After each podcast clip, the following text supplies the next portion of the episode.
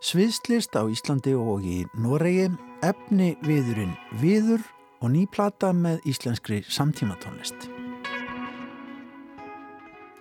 Í dag ætlum við að halda í Hafnarborg menningamiðstöðuna í Hafnarferði og skoða þar síninguna efni viður sem var opnuð um síðustu helgi. Síningin er hluti af eh, hönnunar Mars sem verður haldinn nú síðar í júni en á henni má sjá íslenska listamenn og hönnuðir takast á við við sem efni við í verkum sínum. Við ræðum við síningastjóran Unni Mjöll Lefstóttur í þætti dagsins og förum meðal annars í Ilm Sturtu. Já, hvað skildi það nú vera? Alexander Roberts heitir sviðslistamæður sem búið hefur á starfað á Íslandi undan farin ár og verið fyrirferða mikill í íslenskum sviðslistum, ekki síst í starfi Listaháskóla Íslands á því sviði. Við ræðum við Alexander Roberts í þættinum í dag en hann er á leiðinni til Þrámteims í Noregi, er að taka þar við leikúsi. Við heyrum af búfellaflutningum og sviðslistum í dag. Og síðan kemur Pál Ragnar Pálsson tónskáld til okkar. Hann gaf á dögunum út plötu sem að heitir Atonement. Reyndar er platan ekki formlega komin út í förstu formi í Evrópu en hún er komin út sem slíki í bandaríkjanum og það er hægt að hlusta á hana á streymisveitum. Verkin á plötunni hefur Pál Ragnar verið að semja undanfarin ár en það er Kaput flokkurinn sem að leikur á plötunni og Túi Hirf söngkona, eiginkona Páls Ragnars syngur á henni og þar heyrist líka rödd ástístar Sivjar Gunnarsdóttur sem er samverka kona Páls. Við heyrum af Atonement og ræðum við Pál Ragnar Pálsson í þættinum. En við sjá í dag hefst Suðri Hafnafyrði. Þar tók Unnur Mjöll Lefstóttir síningarstjóri á mót okkur í morgun. Síningin sem að opnum var þar um helgina heitir Efni viður og hefur jú með við að gera. Hugmyndina baki síningun er að tefla saman hönnuðum og listafólki með meðsmjöndi bakgrunn og ólíkar áherslur í myndmáli. Þáttakandur á síningunni eru aðalheiður S. Eistensdóttir, hönnunar fyrirbærin Ágústaf og Nordik Ángan, Björn Steinar Blúmenstein, Guðjón Ketilsson, Indiana Auðunsdóttir, Rósa Gísladóttir, Sindri Lefsson, Tinna Gunnarsdóttir og Undor Egil Jónsson. En það var síningastjórin Unnur Mjöll Leifsdóttir sem að saða okkur frá. Hérna stöndum við inn í aðalsal Hafnaborgar og inn í miðjithriði síningu og hérna eru öll listaverkin uh, úr við og þetta er einmitt svolítið svona uh, spennandi að sjá hvernig fólk ákveður að vinna viðinn og í rauninni er, erum við að leika okkur hérna með mörkina millir hennunar og myndlistar sem eru í sjálfu sér orðin óljós og eins og ég segi í textanum hægt að skipta máli stundum Já.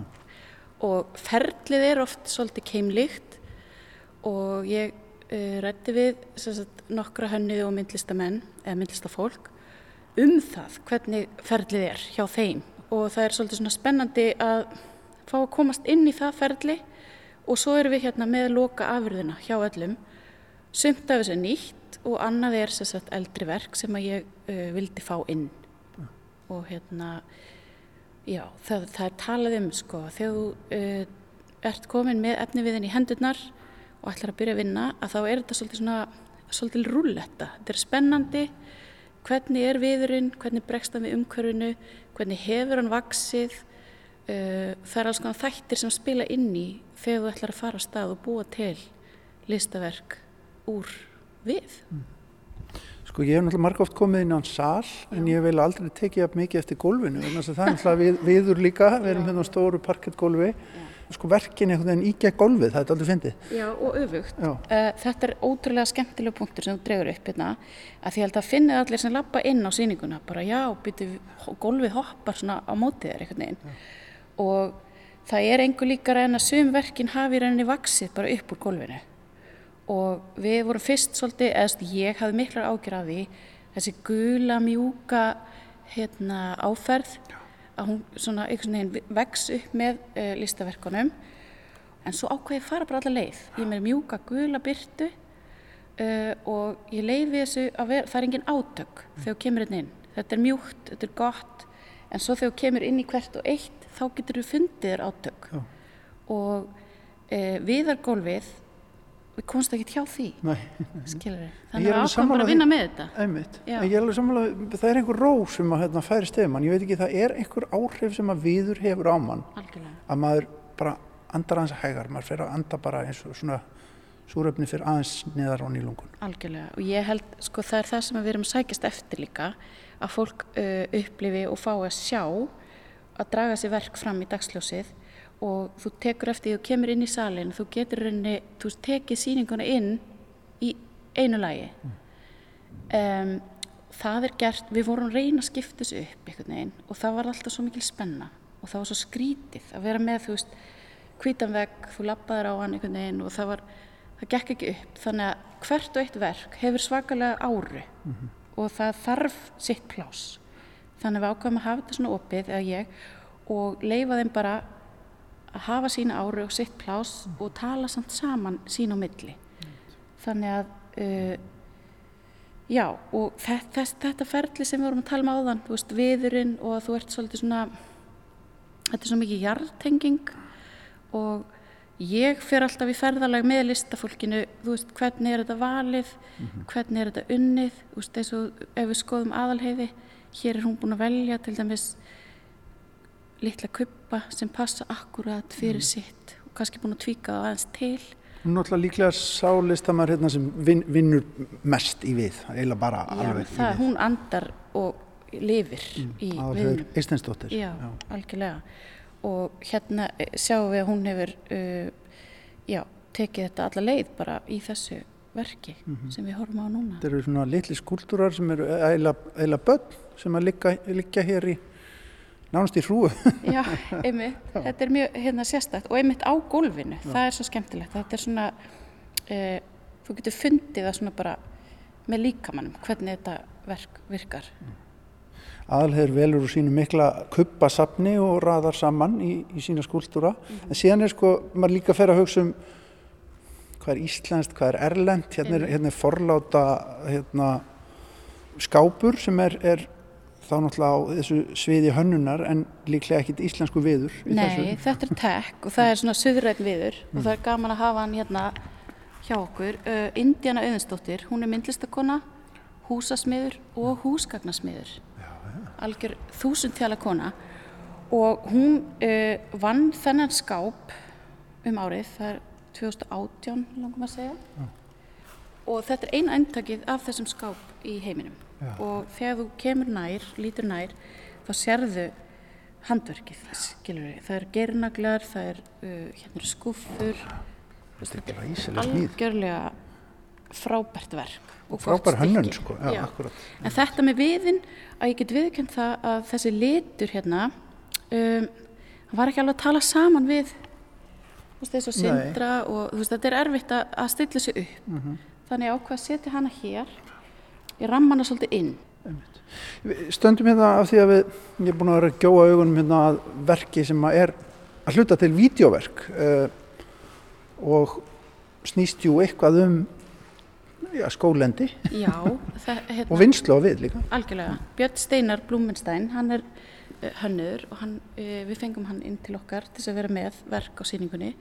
Að hann er að vinna rosa mikið með lerki og hann byggir satt sín verk á uh, rannsóknarvinnu. Hann er búin að fara satt um allt land og hitta að það er skórektabændur og uh, er í samtali við satt vinslu og aðferðir.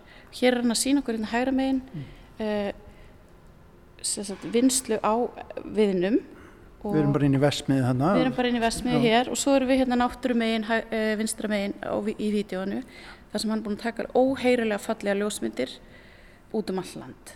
Og hér er hann, hann er mikið hérna að vinna með lerki. Og hann sko segir mér að lerki er enni það lifir jafnvel lengi eftir að það tekið niður. Já, já. og hann var það tók langan tíma fyrir hann að finna þessa hérna planka sem hún sérð sem að myndi ná þessari beinu línu hér. Af því þeir verpast og þeir úst, sveigjast og já, alla vegana. Þetta er náttúrulega alveg sko sprellifandi efni við þér. já, algjörlega. Og við höfum áhyggjur af því með hérna ilmstyrtuna sem Nordic Angan er með. Við ákvæmum að skerma þær af inn í öru rými vegna þess að kemur svolítið raki náttúrulega frá, þetta er gufa sérsett með hérna, skóar ilmi sem getur staðið undir og látið líða vel. Og umgjörðin er sérsett þær eru búin að byggja umgjörði kringum það en við þurftum að skerma þær af inn í uh, öðru rými sem reyndar þjónar síningunni líka mm. þetta er flott sko hvernig lýsingin kemur hérna gegnum glukkana eins og sér mm -hmm. og það var líka til að vernda önnur verk af því að það náttúrulega á ekki vel saman Við þurfum að fara í ilmsturtu á eftir. Hérna, en, en, klárum aðeins hérna, sko, hér dregurum við út í hodn. Já, hérna er hún Tinna Gunnarsdóttir, henniður, eh, hún er, e, já, með þessa ótrúlega fallegu lampa. Og titillin á þessu verki er Ljóshyrningur, svolítið góðu titill. Já. og hérna, hún er búin að vinna þetta úr ösp og þetta er svona eins og sérð alveg rosa minimalískur uh, ángi af síningunni og hún vinnur svolítið í þessu uh, og vinnur sínur og verður ótrúlega byggt á konsepti en oft minimalist útkoman og ég er bara ótrúlega hrifin af þessu verki það er svona uh, rithmi í því og það er geometría og við ákvæmum að taka inn hérna, hlut af öðru verki sem hún vann í samstarfi við hérna, fleiri og þetta er sérstaklega hilla Kúla, já. Við, já. Hér er kúla á gólfinu. Kúla á gólfinu sem hægt er að opna. Já, já. Hérna... Má síningastjórin gera það? Já, það er ekki að reyna þetta. Sko, þetta er hluti af verki sem heitir Rolling Stones já. og þess að er færanleg, eða þess að reyfanleg hirsla og þetta er svona á, ákveðin leikur í þessu. En þessi kúla, hirslan, hún tala svo vel við uh, ferningana í þessu verki þannig að við ákveðum að sínda saman og hérna Þetta er svona geometriskur leikur Já, þetta er svolítið ah. svona, já, hún fekk alveg þetta hotn hérna til að leggja sig með þetta já. og við gerum þetta í samstarfi uppsetninguna sem sagt Já, já síðan er hérna í rakaðugunni þetta er í komin það er hérna við endan í salnum þar er eitthvað sem virkar strax á mig eins og blokkir eins og, og fjölbilsús Já það er ymmið tanga sem hugurinn leitar. Uh, þetta er verk eftir Guðjón Kettilsson og er ántitils eða nafnlaust. Um, efni viðurinn í þetta er, sagt, er fundin húsgagn. Þannig að þegar þú kemur og fer svona bakvið og sérði því að sumt af þessu eru gömur skrippborð og hillur, skápar sem hann er búin að útbúa og búa til þessar geometrísku russablokkir. Og mér er svo skemmtilegt þegar þú kemur inn í hafnafjörðin inn Reykjavíkvegin að þá rýma þess að blokkirnar hæra meginn algjörlega við þetta verk. Já, og kem, þú er bara komin inn með hafnafjara blokkirnar Hvað er þetta einhver minning Guðjóns eða hvað, veistu það? Eða... Sko þetta er uh, sko verk unnið að 2013 og 14 já. hann er með mjög góðan texta hérna sem fylgir verkinu uh, Vilt þú kannski lesa? Já Alltaf verður til eitthvað nýtt en um leið fyllist veröldin af því sem þegar hefur verið búið til. Við fæðumst og tökum út troska innan um hluti sem fyrri kynsluður hafa búið til eða sapnað að sér, hús, húsgögn og alls konar dót. Gamlu húsgögnin sem hér hefur verið breytt verða hins vegar að líkingum fyrir okkur sjálf. Hisslutnar fá glugga og nýja ásýnd því einhverjum skilningi eru þau þegar í veru staðir í þeim býr sjálfsmynd okkar Já, það vantar ekki það Nei, En við getum þá leikja okkur á því hvort þetta er í rauninni eitthvað úr hans sagt, minningar brunni eða já, okkar allra. Þetta er svona samnefnari kannski. Já. við eigum all minningar um uh, umhverfi okkar. Einmitt. og hérna þetta rýmar fyrir, fyrir mann sem býr í blokk þá er það hrifst hann að þessu. Er smá, er smá hérna, lýsing inn í þessu er það, bara, það er bara sjón mann finnst eins og þessu lífin í þessum blokkum. Já, maður getur nú yfir sér það. Þessi hérna, heilu fjölskyldunar bara í sótkví en ég leik mér aðeins með lýsinguna á þessu verki og eins og við vorum að tala um á þann svona mjúk, góð lýsing overall og svo svona nokkrir halfspott Já. Og þetta, ég gerði nú hérna samstarfsmann minn brjálaðan með því að vera að lýsa þetta því að ég vildi fá uh, filtera, heimagerða filtera og nokkur ljós hérna. Já. og mér sýnist sko það hefnast ágætlega hjá á þessu verki um, hans Guðjóns einmitt þegar maður fyrir að tekur eftir hvernig þetta er líst þá byrja skuggamyndir líka að virka á Já. augað sko. og það er nú með mörgverkin hérna. Þetta Já. er náttúrulega mjög skuldurísk síning og svona auðvitað mm -hmm. í hlutarins eðli. Já. Sko er þetta Guðjón líka hérna, þetta, þetta verk? Þetta er nýtt verk og algjört uppáhald hjá mér þó ég megi kannski ekki segja það að þá fjall ég algjörlega fyrir þessu verki hann síndi mig ljósmynd af því þegar við byrjuðum að tala saman um það hvort hann vildi koma inn á síninguna og þetta er þess að uh, silúetta eins og sérð af fjalli sem speiklast Já. og heitir logn.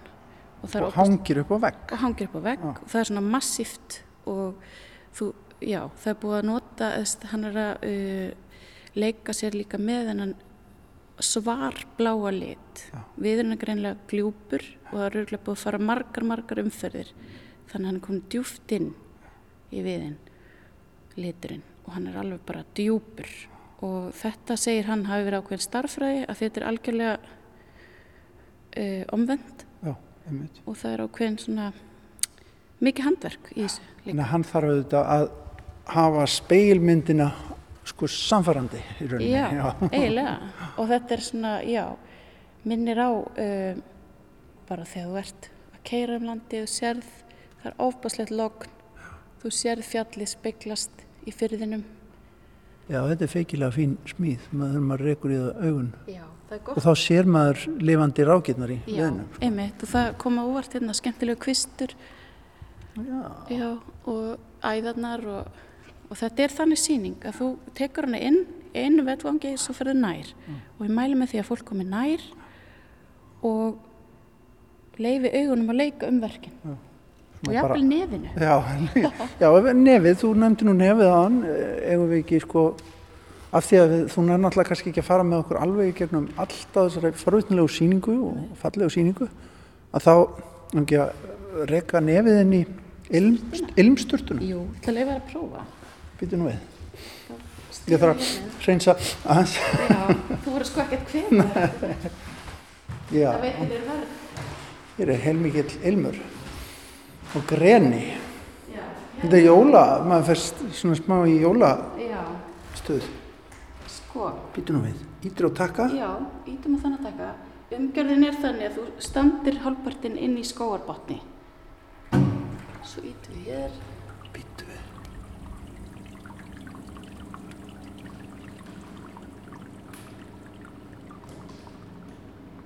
Tekur nokkru sekundu kemur þetta, þú voru að standa alveg beint Wow. Kemur svona köld? Jú. Þetta er meiri á þar. Og hvað, sko, hvaða lit er þetta? Þetta, við erum að tala um hérna skóar einn. Skóar einn. Sittkakkar einni. Já. Og... Þetta er hans sem magnað. Sko, við erum nú ofta hvað sér ég, ilmkjarnaoljur já, já. og í rauninni um, þá má fólk gefa sér svolítið stund hérna. Mm. þetta er svona núvitundaræfing. Að leifa þessu svona að leika um sig og mm. vera bara akkurat í núinu. Maður fær svona smá hérna, hvað svona smá raka í, í hárið og þegar maður stendur inn í störtunni hvað sér, hver, hver er með þetta? Þetta er, það er Nordic Angan, það eru Hannuna Teimi, er uh, Elín Þorgersdóttir og Sonja Bent. Já. og þær uh, eru með sagt, vörur, þær eru að selja sagt, sápur, þær eru bara með sitt fyrirtæki með alls konar uh, já, útgáfu af vörum, mm. en þetta er rauninni þáttöku listaverk, þar sem gæsti koma og upplifa þeirra vöru á sérstakann hátt. Ég ætla að fara aftur í styrtunum. Já, af því að það er hérna... Í... Já, ég ætla að... Já, ít á takkan. Og býð.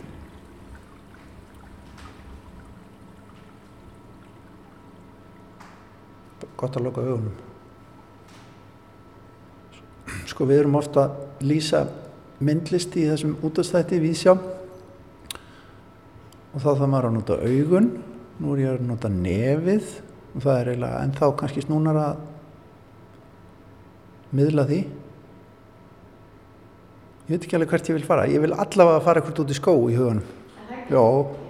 Þetta er algjörlega fætir ónæmiskerfið og og þetta er mjög útlænst einhvern veginn finnst mér samt. Já, af því að ég er líka það er með við og þetta náttúrulega ert þú maður hugsar oft um sko að skóurinn sé eitthvað erlend fyrirbæri. Já, ég veit gott við. Eh, Það er náttúrulega verið vinsalt náttúrulega að þefa upp í skóa hérna heima. Og fólk ætti nú að gera það í sumar að reyna að koma sér í skó og upplifa þessa náttúru hérna unun af því að vera á þessu svæði. Um, ég reyndar alveg upp í uh, Ártúnsholtinu, alveg steinsnar frá uh, Elliárdalum og var þar sem krakki mikið og tengið með þessa tilfinningu sem þú ert í hér svolítið þangað. Það eru há og fallu tréð og gaman að hlaupa þar um og djöblast. Mér finnst gaman að þú veist, fengið þetta verk hérna inn og öll þessi verk, þú veist, þess að, já, þetta er jarðtenging.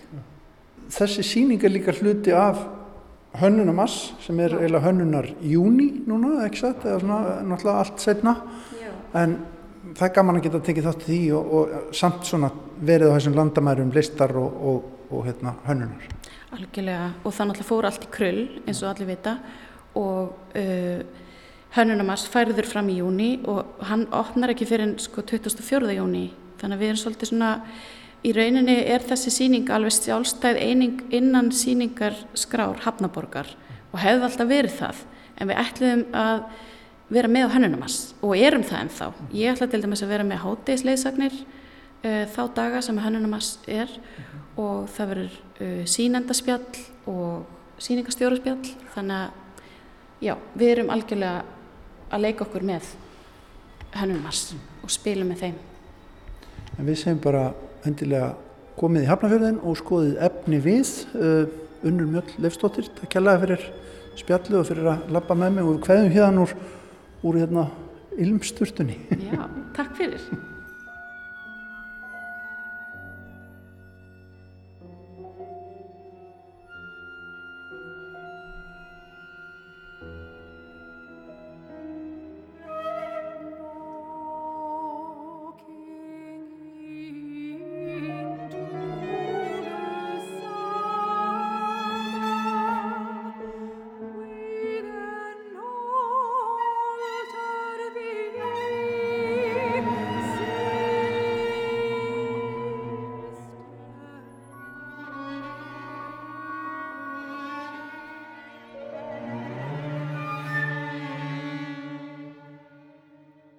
Hér heyrum við tónlist af nýri plötu sem að heitir Atonement og það er Páll Ragnar Pálsson tónskáld sem á verkin á þeirri plötu.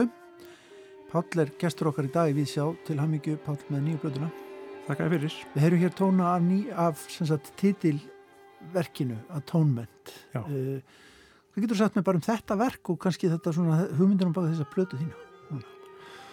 Um, þetta verk uh, var samið uh, stuttu eftir að ég flytt heim frá Íslandi er við ljóð eftir Ástísi Sif Gunnarsdóttur annað af tveimur verkum á plötunni sem ég sem við ljóð eftir hana ég og hún höfum átt í góðu samstarfi genið tíðina sko nú síðast mitt á tónlistarhátti Rúf Akkurat.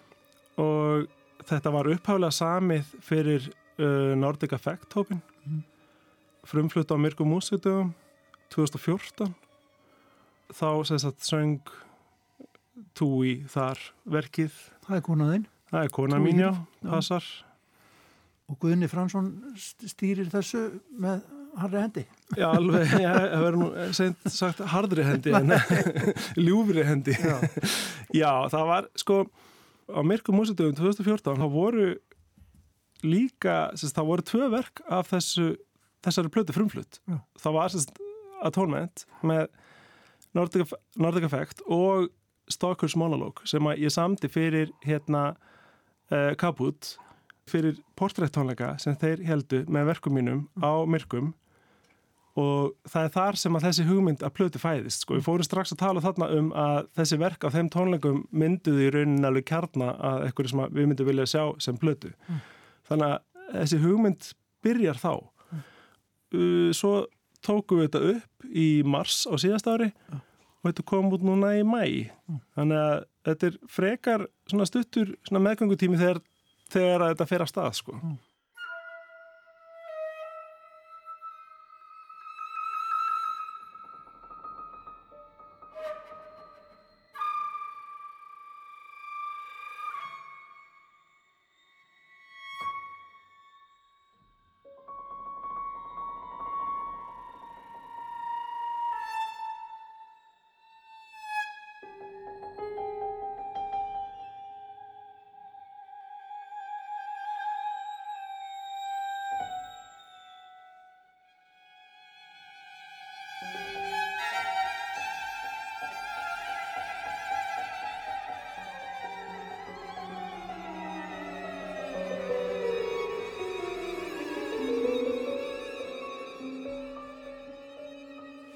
Þú skrifar um þarna í texta sem að fylgi plötunni að, að fyrir þér þá, þá sé það að semja músik sé svona, svona meditatív yðja, það er að segja svona hugræn yðja einhvern veginn.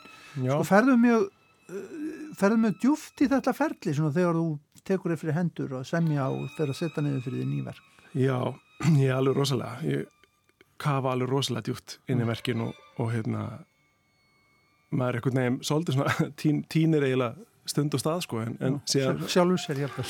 sjálfum þessi jafnvel, já, líku við. Nei, meira samt sko Þetta er rosalega sko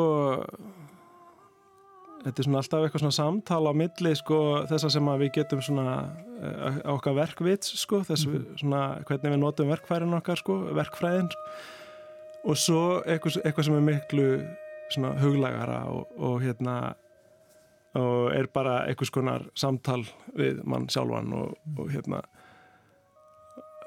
þetta er alltaf eitthvað svona dans þar á milli sko Já. og mér finnst þetta að vera bara svona alveg algjör kjarni í minni vinnu er þetta svona, svona samtal við innsæð sko, Já. bara að spyrja mig þú veist, hvernig finnst þér að þetta eigi að þróast áfram hvernig, hvernig hérna, upplifir þú þetta verk og, hvað langar þetta verk að segja þér Já. Og leiði, ég er alltaf að re- reyna að sko að leifa verkinu bara að, að sko opimbera sig Þetta er svona einhver glíma bara. að- Já, ég er, al, ég er svolítið bara að reyna að hleypa því áfram sko. Ég er að reyna að láta það bara streyma. Já. Hvernig tekst það?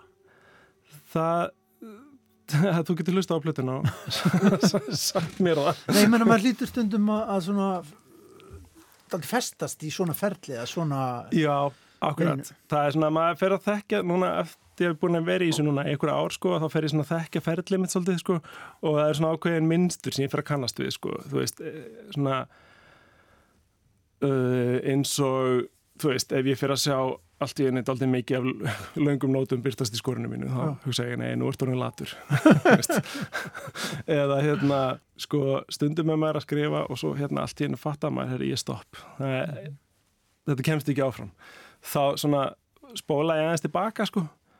Og ég finn yfirleitt sko, þá byrja ég alltaf að spá af hverju er ég að stoppa, hvað er það sem er að stoppa mig? Og ég svarið er alltaf einhvern veginn rétt fyrir framann, að örlítið framann í verkinu. Að ég hef tekið einhvers konar beigju Mm. og þegar ég bakka aðeins og held aftur á stað frá röngu, kjarkinu. röngu gatnamótunum sko Já, já, og þá kemst maður aftur á stað og þá finnum maður að hérna, eitt er rétt og hitt er ránt og það er bara þannig. Það er bara, maður, og það er bara eitthvað svona tilfinning inn í manni sem segir bara, nei, svona á þetta að vera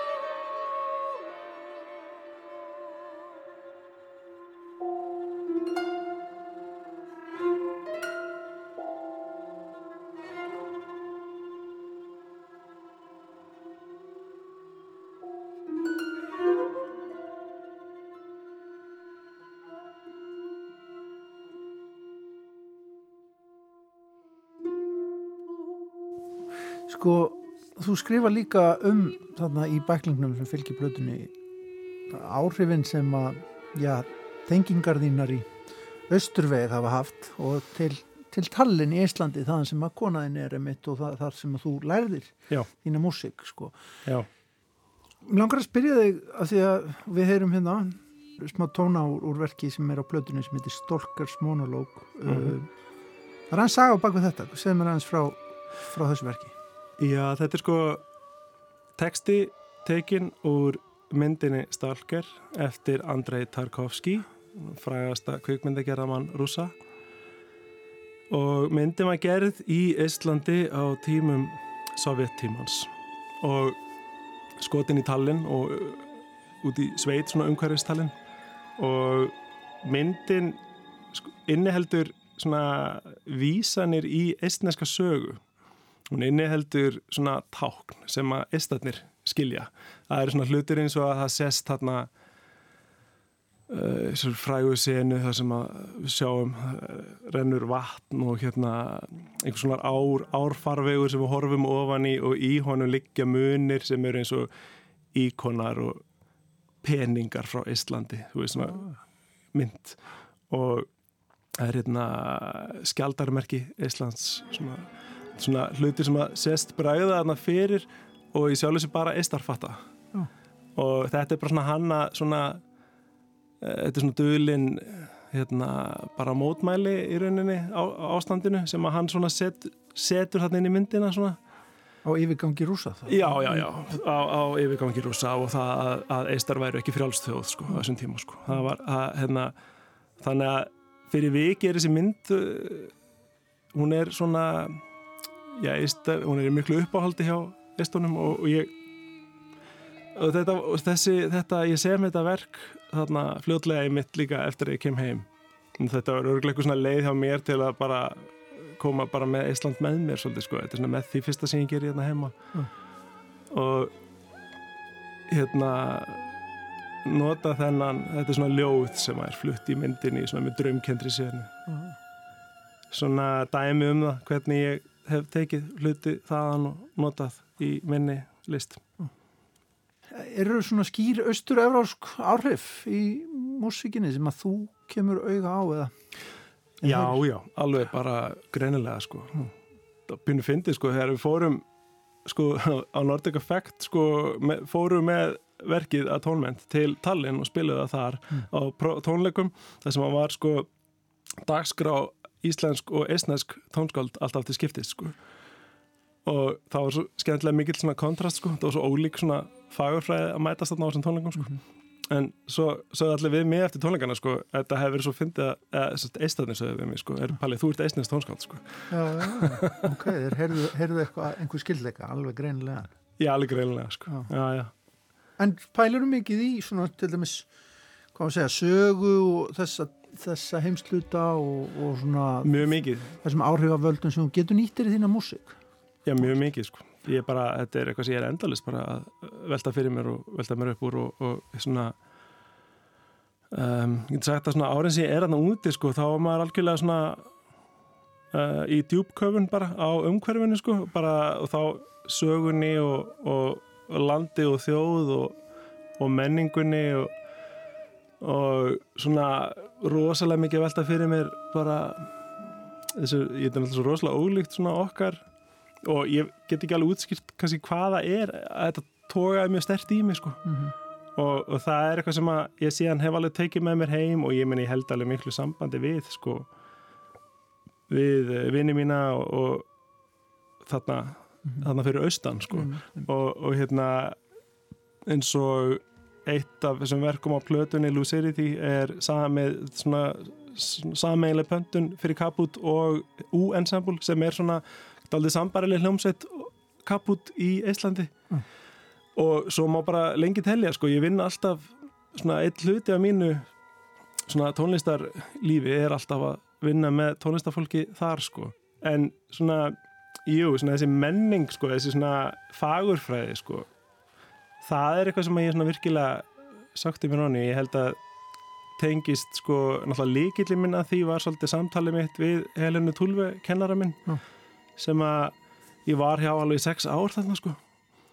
Og svo uh, út frá henni þá er þetta svona þetta eistneska tónlistarlíf sem er opaslega bara sérstakt og ótrúlega fín, góð tónskaldana og góði flytjendur og eitthvað svona eitthvað svona sound sem að maður myndi alveg svolítið svona tala um sem eitthvað svona eistnest sound og svo getur maður alveg sett það í samhengi við síðan svona austur-evróska tónlist og svona nálgun á tónlist sem að í þessum heimsluta sem að þróunin varð rosalega ólík vestur löndum, vestur-Evrópu og bara út af heims ástandinu á síðustöld sko.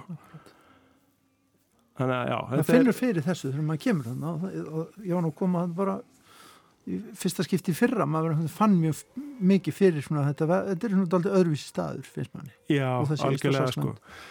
Þetta er svona sko landafræðilega og svona menningalega er þetta svo, þetta er svona skurðpunktur á milli svona vesturs og östurs Já, sko, þessi svona fagafræði, þetta svona þessi svona, þetta sound þarna, veist, þetta er svolítið svona, þekkja náttúrulega flestir Arvo Pärt mm. og hans tónlist, sko og það er svona tónlista sem að svona hvað maður segja, það er mjög andlegur undirtótn í þeirri tónlist. Mm. Þetta er svona þar sem að svona vestrænar tónsmíða aðferðir modernismans og austræn svona heimsbyggi og lífsín mætast sko. Mm. Og það er rosalega þetta sem ég heitlaðist af þarna. When we walked in high volume Ég held að ég þakki bara fyrir komina Pál Ragnar Pálsson, takk hérlega fyrir komin í vísjá og, og hérna til með nýju blötuna. Takk fyrir. The clouds were opened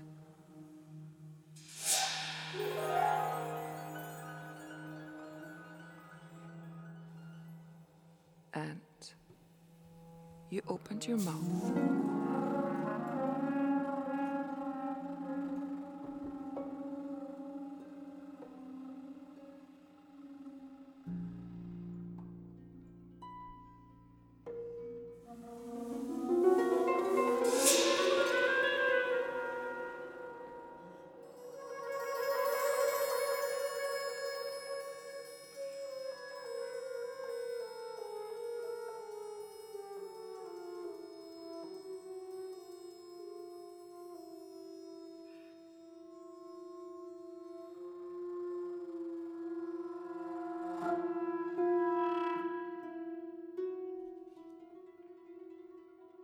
Drink of gold.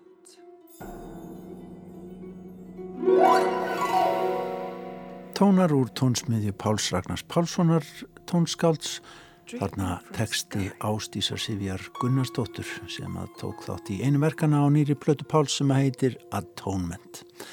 En þá ætlum við hugað sviðslistum Halla Þórlu Óskarsdóttir er mætt á Víðsjár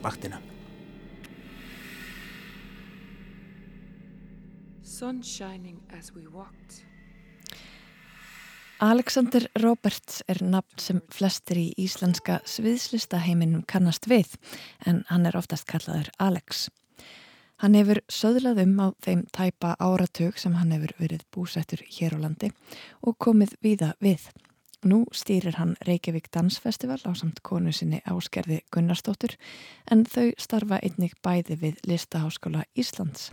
Hún er lektor í sviðslistafræðum, hann sér um alþjóðlega meistaranámið í sviðslistum. Alexander og Áskerður munið því skilja eftir sig stort skarð í sviðslista senunni þegar þau flytja til Norex í janúar en Alexander var á dögunum ráðin í stöðu leikustjóra Rósendal leikusins í Þrándheimi. Alex heimsótti okkur í dag og við spjöldluðum um málið en áður en við snýrum okkur að nýjustu fréttunum spjöldluðum við dálitið um forsuguna um það hvernig leið hans lág til Íslands en Alex segir að það hafi verið hálfgerð tilviljun. Árið 2012 þá hafi parið haft í hyggju að flytja til Breitlands. But we came here for one summer and we got involved in Reykjavik Dance Festival me just as a as a an audience really Uh, but by then, I'd been curating some uh, one off and independent things in Iceland, and um, we started a dialogue with Erna Omarsdottir and Valdimar Johansson, who were going to be curating the next year's edition of Reykjavik Dance Festival. And they asked us if we wanted to join them in uh, producing and curating this program. Alexander hafði þá þegar einhverja reynslu af dramaturgíu íslenskra dansverka en þetta sumar hittu þau áskerður Ernu Ómarsdóttur og Valdimar Jóhansson sem þá stýrðu Reykjavík Dansfestival og þau buððu þeim að taka þátt í hátíðinni. And then they stepped down after one year and the board asked us if we wanted to take it over. So my arrival in Iceland was a kind of um, and my stay in Iceland was a kind of accident. It wasn't planned, but just over time um, deepened.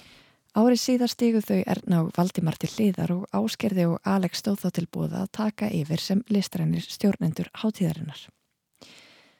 Svona geta tilviljanir og tækifæri orðið óvæntar vörður á lífsins sköngu. Það stóð aldrei til að setjast að hér á landi.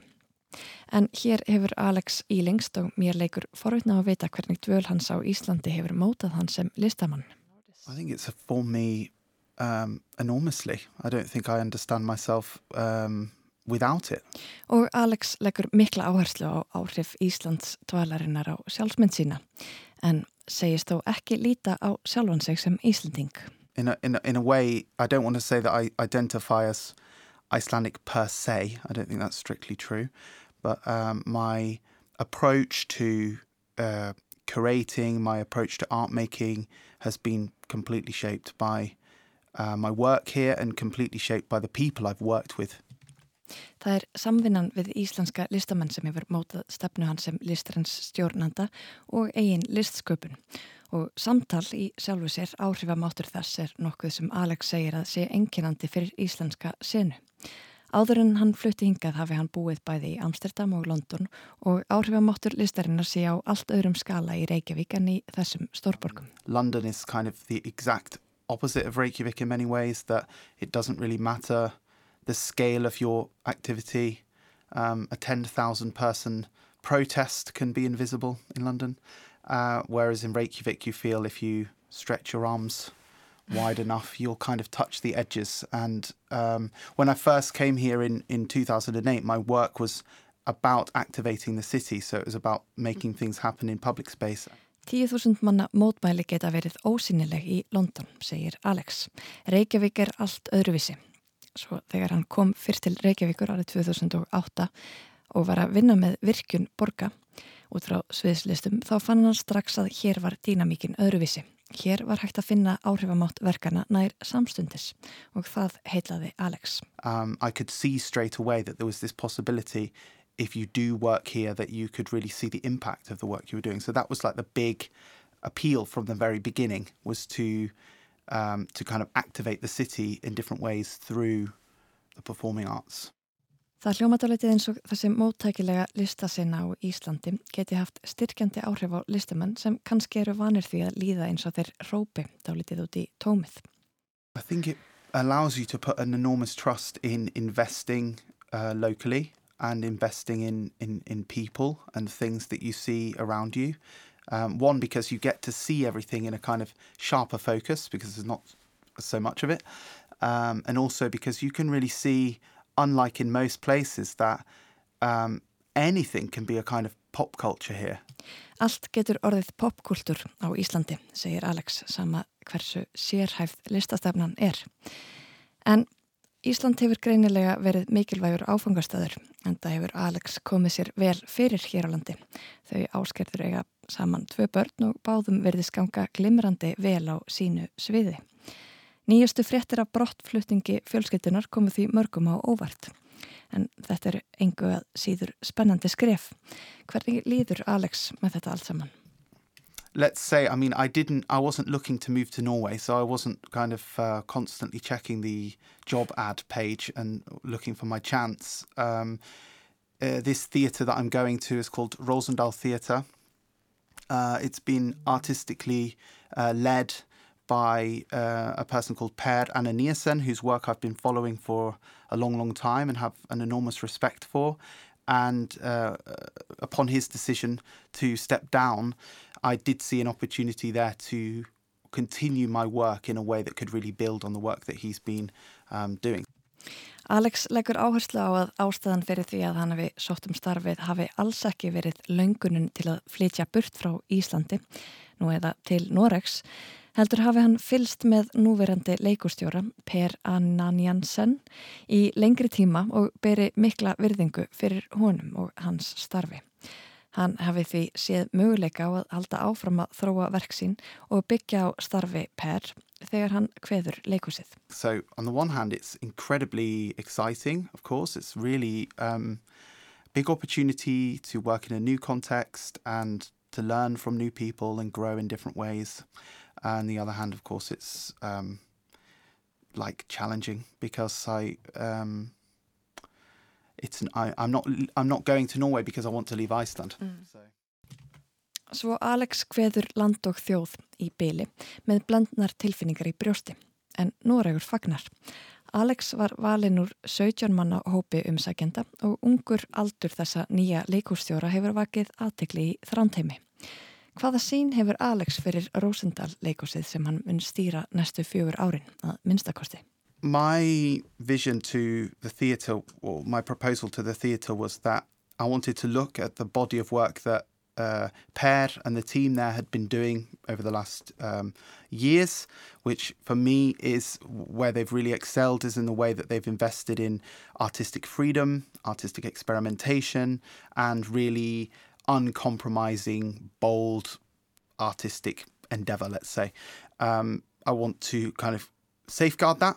I think like looking looking at the times we're living in, um, we're going to need to be bold and brave about holding holding a place for those kinds of things. I think it's going to it, it could get harder.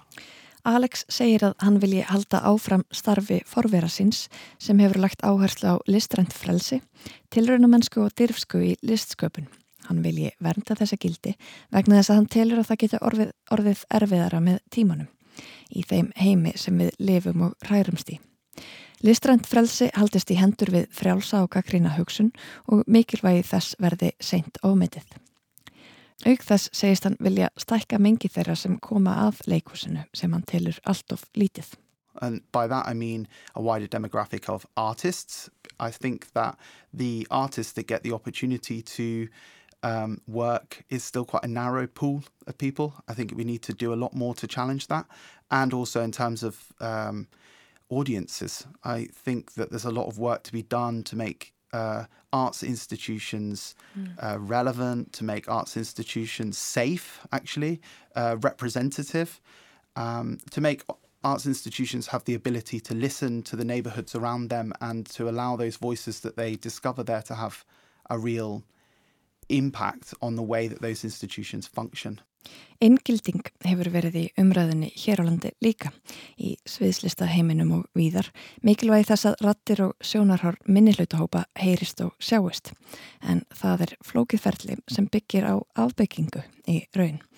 Við erum orðin samdöina gamlum gildum og það getur reynst þrautin þingri að klíma við þau.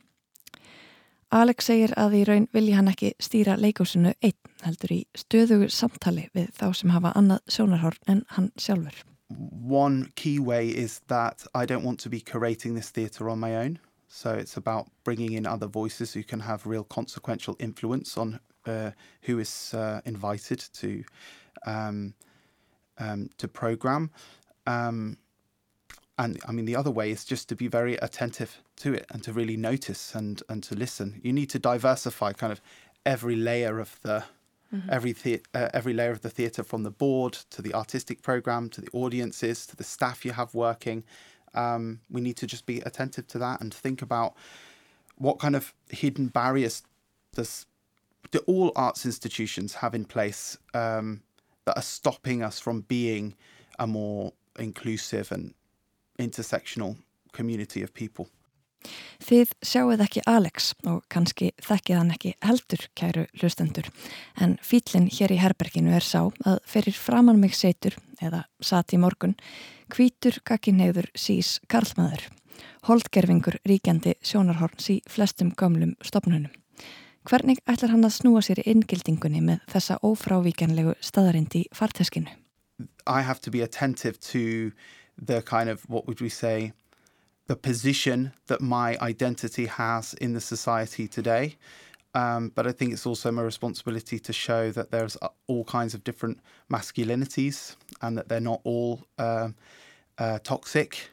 um, that there needs to be other kinds of cis uh, masculinity and that they can't all be toxic. So there is an importance still that um, as a white, um, straight guy who one day hopefully will be middle-aged and old-aged, uh, there is a responsibility for me to to pay attention to that on the one hand and actually also change what that means and to be part of a kind of transformation. So um, yeah, and like I said before, in in taking this position, it's not my intention to lead it on my own. I want to be part of a, a, a like significant group of people that are going to shape this institution. So um, Alex ætlar að vera meðvitaður um sjónarhorn sitt sem leikustjóri Rósendal leikursins í þrándheimi. Hlusta á samstarfsfólk sitt sem hann hegst velja með einmitt þetta í huga að fá eins sem fjölbreytastan rattkór.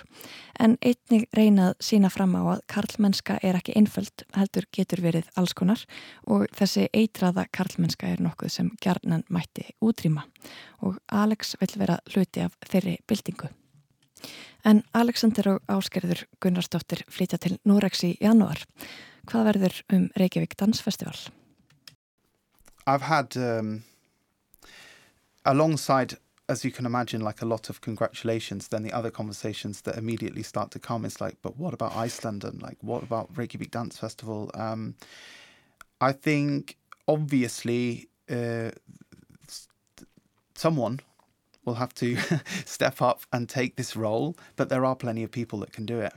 And it's a great, um, in, in, a way, our time at Reykjavik Dance Festival also at seven years, uh, it was the moment really anyway for us to hand it over to mm. someone else. And um, change in any organisation is scary, but I think I'm not that uh, scared for Reykjavik Dance Festival. It's in a from a funding point of view, it's never been in a stronger position. From an audience point of view, it's never been in a stronger position. And I think it's got a lot of things in place for someone to come in and, and take it uh, further and to take it in a in a in kind of for the next wave because the work is definitely not um, done and there's so much room left for someone to come in and, and really make a mark and make an impact on on the scene and, and on Reykjavik and Iceland. Alex segir að það hafi verið komin tími til að hveðja. Reykjavík Dansfestival hafi aldrei staðið jafnvel fjárhagslega og þau áskerður Gunnarsdóttir hafi synd henni vel. Nú sé komin tími fyrir nýjan listrannan stjórnanda og það séu margir hæfir aðilar sem gætu vel tekið við þessari stæðilegu blöndu sem hátíðin er orðin.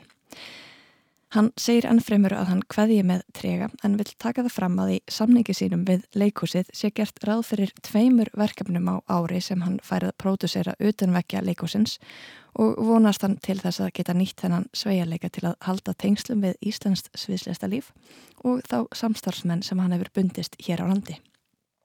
Við í Víðsjá óskum Alexander Roberts góðskengi sem leikustjóri Rósendal leikursins í Þrándheimi og áskerði Gunnarsdóttur góðskengis í rannsóknarstörfum sem hún ætlar að taka sér fyrir hendur þar. Saði Halla Þórlaug Óskarsdóttir. Og svona ágættur hlustendur ljúkum við Víðsjá í dag. Við verðum hér aftur á morgun á sama tíma klukkan 16.05. Verið sæl.